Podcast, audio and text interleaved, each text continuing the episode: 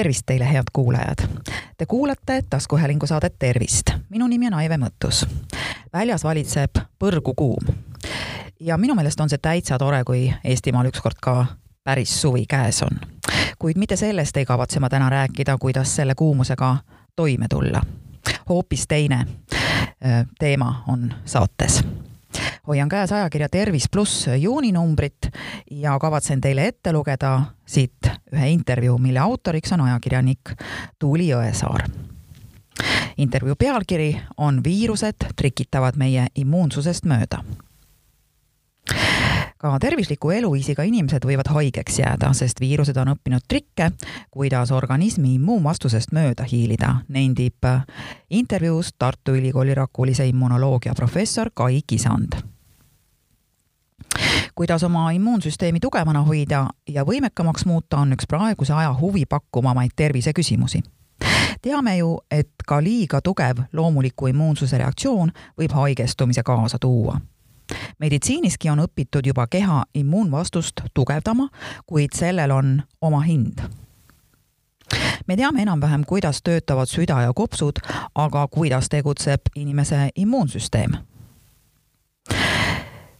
ja professor Kisand vastab. tähtsamad immuunorganid on tüümus ehk harkelund, luuüdi, põrn ja lümfisõlmed. tegelikult on immuunsüsteem igal pool. Kõikjal kehas on immuunsüsteemi rakke, mis meid sissetungijate eest kaitsevad oluline osa neist asub kohtades, mis puutuvad kokku väliskeskkonnaga ehk nahal ja limaskestadel immuunsüsteemi rakud on võimelised ära tundma ohtliku sissetungija ja tõstavad hädakisa, kui läheb vaja abiväge. Kahjustuse piirkonda kutsutakse erinevaid immuunsüsteemi rakke, mis tuvastavad, millise haigustekitaja või kahjustajaga on tegu ja suunavad vastureaktsiooni nii, et see toimiks optimaalsel viisil. nii et näiteks valu ja palavik on immuunvastuse osad Need on esimese kaitsebarjääri aktiveerumise näitajad. Ka see, mida tunneme pärast vaktsineerimist, ehk siis peavalu, jõuetus, palavik, näitab, et kaasasündinud immuunvastus on tööle asunud vaktsineerimise eesmärk on tekitada immuunmälu, mille kujunemine võtab paar nädalat. omandatud immuunvastust on aga keeruline saavutada, kui kaasasündinud immuunvastust ei aktiveerita kui inimene puutub haigustekitajaga kokku esimest korda, hakkab ennekõike tööle kaasasündinud immuunvastus. Aga kui kokkupuude kordub, on meil heal juhul nii tõhus immuunmälu, et me ei pruugi haigustekitaja sissepugeme, sissepugemise katsest isegi aru saada vaktsineerimisega tutvustatakse immuunsüsteemile haigustekitaja kõige olulisemaid komponente, et tekiks immuunmälu ja valmisolek tõhusaks kaitseks Tuuli Jõesaar küsib, kuidas ma saan oma immuunsüsteemi tugevdada? Apteekides müüakse igasugu tilku ja tablette. kas mõni neist annab immuunsüsteemile vunki juurde, et see paremini haigusi tõrjuks? ja professor Kisand vastab. ei, immuunsüsteem on sedavõrd keeruline omavahel integreeritud võrgustik, et seda lihtsalt niisama ühe vahendiga järele aidata on võimatu eri haigustekitajad vajavad erinevat vastust ja apteegist saadavate tablettide tilkadega pole võimalik saavutada, et oleksime paremini valmis kõikvõimalike kahjustavate faktoritega võitlema. peab olema tasakaal, hästi reguleeritud ja kontrollitud immuunvastus. Immuunsüsteemi toimimisele suvaliste vahenditega vahele torkida ei ole hea mõte Õnneks küll pole vabamüügil olevate toidulisanditega endale enamasti võimalik liiga teha, aga ega neist suurt tolku ka ei ole, kui toidulaud on mitmekesine. erand on vaid D-vitamiin, mille tarvitamine on meie laidu-, laiuskraadil elades soovitatav talvekuudel, peamiselt tubase eluviisi korral aga aasta ringi tugeva immuunsüsteemi võtmesõnad on piisav uni, küllaldane füüsiline aktiivsus, täisväärtuslik toit, kehakaalu kontrolli all hoidmine ja stressi maandamine. ja ajakirjanik Tuuli Jõesaar ütleb, et nii ta teebki, eh, nii hästi kui suudab, aga haigeks jääb vahel ikkagi. viirused on arenenud koos meiega ja meie oleme arenenud, et nendega hakkama saada viirused on evolutsiooni käigus muutunud, et meist paremini kanda kinnitada. ja neil on igasuguseid trikke, kuidas immuunvastusest kõrvale hiilida. seetõttu pole üllatav, et täiesti tervisliku eluviisiga inimesed samuti haigestuvad, vastab professor Kai Kisand. kas selle vastu pole mõtet ega isegi võimalust midagi ette võtta, küsib Tuuli Jõesaar kui me räägime tavalistest külmetushaigusi, siis niinimetatud külmetushaigusi põhjustavatest viirustest, siis need nakkused kulgevad üldiselt kergelt ja põdemise pärast ei tasu muretseda muide, kui inimene on pikalt stressis ega saa korralikult magada ja toituda, kipub ka selliste viirustega nakatumise sagedus kasvama. stressi ja kurnatuse tõttu võib aktiveeruda ka herpesviirus ja põhjustada ohatise ilmumist. Kroonilist stressi ei saa alati vältida, aga ikkagi ei ole apteegist ostetud tablettidest abi muidugi on ka platseeboefekt, nii et kui inimene tunneb end tablette võttes hästi, ta teeb ju midagi oma tervise heaks, siis miks ka mitte. parem oleks siiski väljas liikuda ja üritada lõõgastuda. kellele sobib muusika kuulamine, kellele lugemine. see on kindlasti parem, kui toidulisanditest abi otsida kui me räägime aga vaktsiinvälditavatest nakkushaigustest, siis siin on lahendused olemas ja nendeks on vaktsiinid. mis juhtub immuunsüsteemiga, kui me vananeme? kas eakad haigestuvad kergemini? juba teismeeast algab immuunorganites tasapisi taandareng.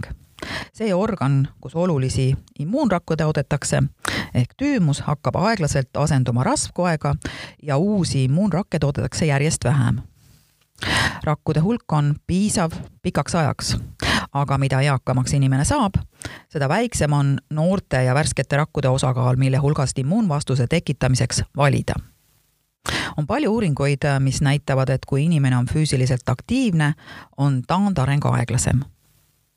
nii et liikumine on oluline, rõhutab professor Kisand.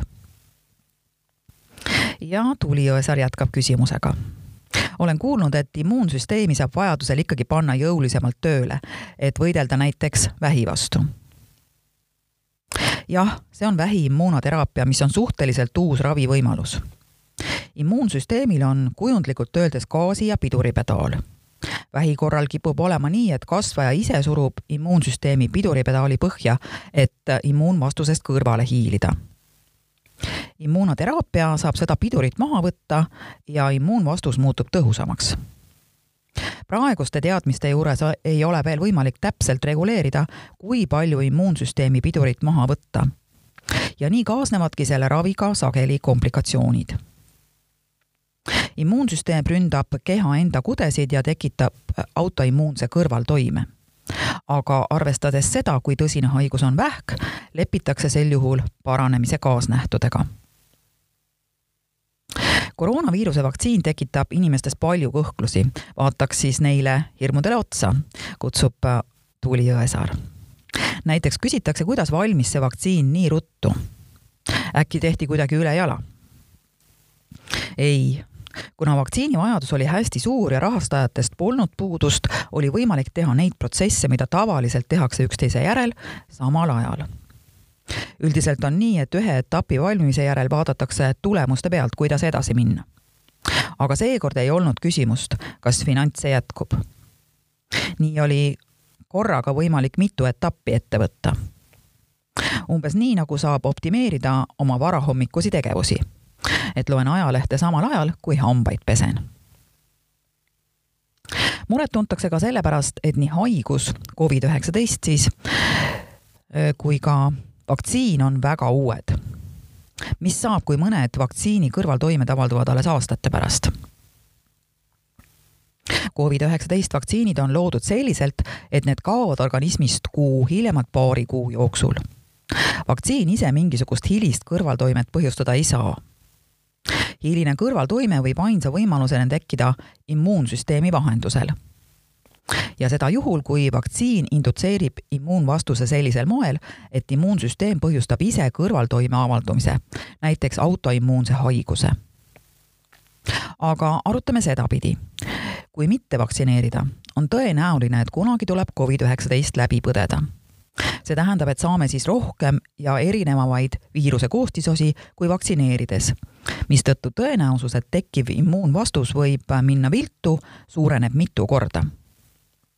Samuti on siis pikaajalise tervisekahjustuse oht palju suurem kui vaktsineerimise järel kui inimesel on krooniline tervisehäda, mis kipub viirusinfektsiooni foonil endast märku andma, võib sama juhtuda vaktsineerimise järel aga jällegi on riskigrupis needsamad inimesed, kes põevad suurema tõenäosusega ka Covidit raskelt. aga mis mu kehas toimuma hakkab, kui ma vaktsiinisüsti saan? RNA põhine ja viirusvektoriga vaktsiin viivad kehasse info, mille järgi hakkavad meie lihasrakud tootma viiruse ogavalku. seda, mille abil viirus rakkudesse tungib see annab immuunsüsteemile võimaluse kujundada immuunmälu ilma haigust läbi põdemata. tekkivad antikehad seovad viiruse pinnal oleva ogavalgu ja viirus ei saa rakkudele kinnituda ega nakkust põhjustada vaktsineerimise järel tekkivad sümptomid, näiteks paaripäevane palavik, on nagu immuunsüsteemi trenn. kui trenni järel tekib lihase valu, siis tead, et pingutus on mõjunud ja muskel kasvab immuunsüsteemiga on samamoodi. kui pärast vaktsineerimist on halb olla, siis tead, et süsteem töötab. No pain, no gain, nagu inglise keeles öeldakse. aga kui ma ei taha vaktsineerida, no kohe tõesti ei taha on ülihea, kui inimesed oma tervise ja immuunsüsteemi eest hoolitsevad, tervislikult toitudes, liikudes, piisavalt magades, lõõgastudes kindlasti vähendab see tõenäosust haigestuda nii elustiilihaigustesse kui ka põdeda Covidit raskel kujul. sotsiaalmeedias tuleb aga ette selle teadmise ekstreemsemat sorti edasiarendust, et miks mina, kes ma pingutan oma tervise nimel, pean kannatama piirangute käes. paraku on palju riskirühmi on rasedad, kes põevad viirushaigusi raskemalt, on inimesi, kelle immuunsüsteem on juba sünnipäraselt puudulik ja neid, kelle haiguse ravimine vajab immuunsüsteemi mahasurumist. näiteks siiratud organitega inimesed, vähihaiged, autoimmuunsete haiguste põdejad. kuna nende enda immuunsüsteem neid äh, piisavalt tõhusalt ei kaitse, sõltub nende tervis ülejäänud inimeste heasoovlikkusest. altruism ei ole ühiskonnale võõras. Paljud on nõus võtma vaktsineerimisega kaasnema väikese riski, et kaitsta nõrgemaid kõhklejad võiks panna end immuunpuuduliku inimese olukorda või kujutada ette kallist inimest, kelle immuunsüsteem ei suuda teda täielikult kaitsta. nii lihtne on head teha, ütleb Tartu Ülikooli rakulise immunoloogia professor Kai Kisand ajakirjanik Tuuli Jõesaarele ajakirja Tervis pluss juuninumbris ilmunud intervjuus, mis räägib sellest, kuidas viirused meie immuunsusest mööda trikitavad head kuulajad, te kuulasite taskuhäälingu saadet Tervist. saate leiate Delfi podcastide pesast tasku, nutirakenduste Spotify, Apple Podcasts, SoundCloud ja teised. hakake jälgijaks ja kuulake just teile sobival ajal. ettepanekuid teemade kohta, mida saates käsitleda, ootan teilt e-posti teel aadressil tervist.maaleht.ee minu nimi on Aive Mõttus, olen Maalehe ter-, taskuhäälingu saate Tervist toimetaja. tervist teile!